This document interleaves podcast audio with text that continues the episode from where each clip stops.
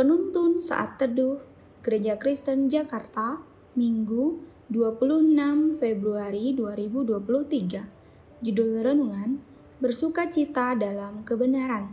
Nats Alkitab terambil di dalam kitab Matius pasal 5 ayat 10 sampai 12 Berbahagialah orang yang dianiaya oleh sebab kebenaran karena merekalah yang empunya kerajaan surga.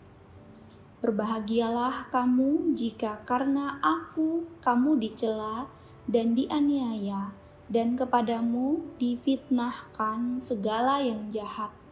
Bersukacita dan bergembiralah karena upahmu besar di surga. Sebab demikian juga telah dianiaya nabi-nabi yang sebelum kamu. Air terjun merupakan salah satu objek wisata yang cukup diminati oleh masyarakat. Namun sayangnya, jalur menuju destinasi tersebut tidaklah selalu mulus dan lancar.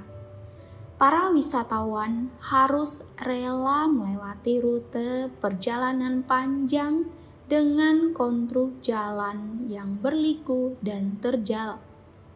Meski demikian, Kesulitan bukanlah alasan yang menjadi penghalang, karena tidak sebanding dengan suguhan dan keindahan pesona air terjun yang tak terbayarkan.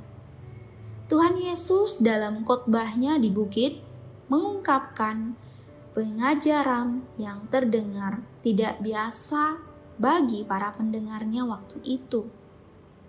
Bagaimana mungkin pada saat para murid Kristus dicela, dianiaya, difitnah karena kebenaran, mereka masih bisa disebut sebagai orang-orang yang berbahagia.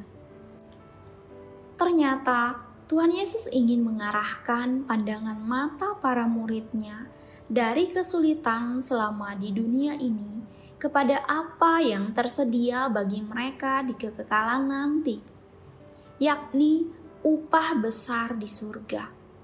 Upah yang tidak dapat dibandingkan dengan semua harta dan kekayaan.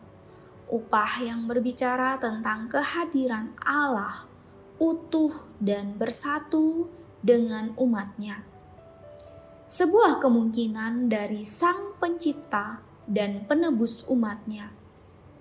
Upah surgawi Inilah yang dapat menguatkan para pengikut Yesus untuk tetap bersuka cita dalam kebenaran, meski diperhadapkan kesulitan dan penderitaan. Seperti yang disampaikan oleh Rasul Paulus dalam Roma pasal 8 ayat 18. Sebab aku yakin bahwa penderitaan zaman sekarang ini tidak dapat dibandingkan dengan kemuliaan yang akan dinyatakan kepada kita. Pada saat kita berkomitmen untuk hidup dalam kebenaran dan berpadanan dengan nilai kerajaan Allah, sudah pasti ada harga yang harus dibayar, serta resiko yang akan dihadapi.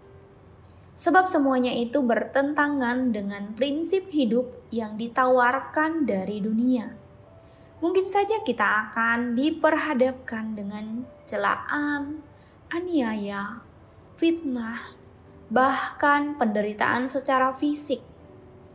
Namun, biarlah hati dan pandangan kita tetap terarah kepada Allah, Sang Penghibur yang memberi kekuatan untuk terus bertahan dan berjuang bukan saja bertahan dan berjuang hidup dalam kebenaran, tetapi bersuka cita di dalamnya.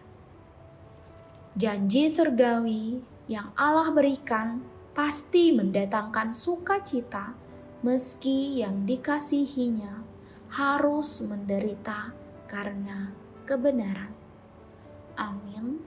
Terima kasih, Tuhan Yesus memberkati.